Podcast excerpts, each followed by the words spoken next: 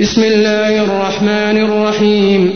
القارعة ما القارعة وما أدراك ما القارعة يوم يكون الناس كالفراش المبثوث وتكون الجبال كالعهن المنفوش.